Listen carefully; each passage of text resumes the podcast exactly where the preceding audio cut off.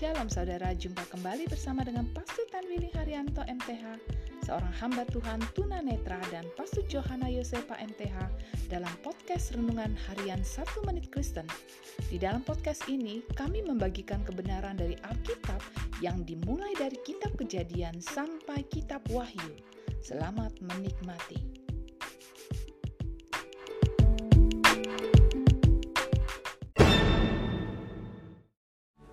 Shalom saudara berharga di mata Tuhan, senang dapat jumpa dengan saudara. Hari ini firman Allah menasehati kita untuk berbagi pekerjaan kepada yang lain. Musa menghabisi waktu dan energi untuk mengadili orang-orang yang datang kepadanya dengan persoalan mereka. Musa melayani mereka dari pagi sampai malam. Yitro menyarankan agar Musa berbagi pekerjaannya kepada yang lain dan fokus hanya pada persoalan yang sangat penting dan terlalu sulit dikerjakan oleh orang lain.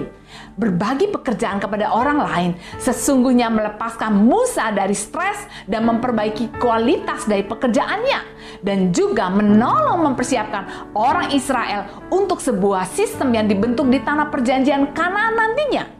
Saudaraku, berbagi pekerjaan yang tepat dapat melipat gandakan keefektifan dan juga memberikan orang lain kesempatan untuk bertumbuh. Untuk itu, agar kita tidak lelah, marilah kita belajar untuk mempercayai orang lain dengan berbagi pekerjaan kita. Amin.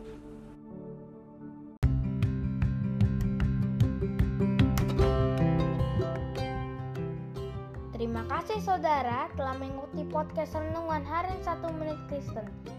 Doa kami, kiranya kebenaran yang saudara terima akan membuat saudara semakin berakar di dalam Tuhan dan bertumbuh dan berbuah lebat di dalam Tuhan. Tuhan Yesus memberkati.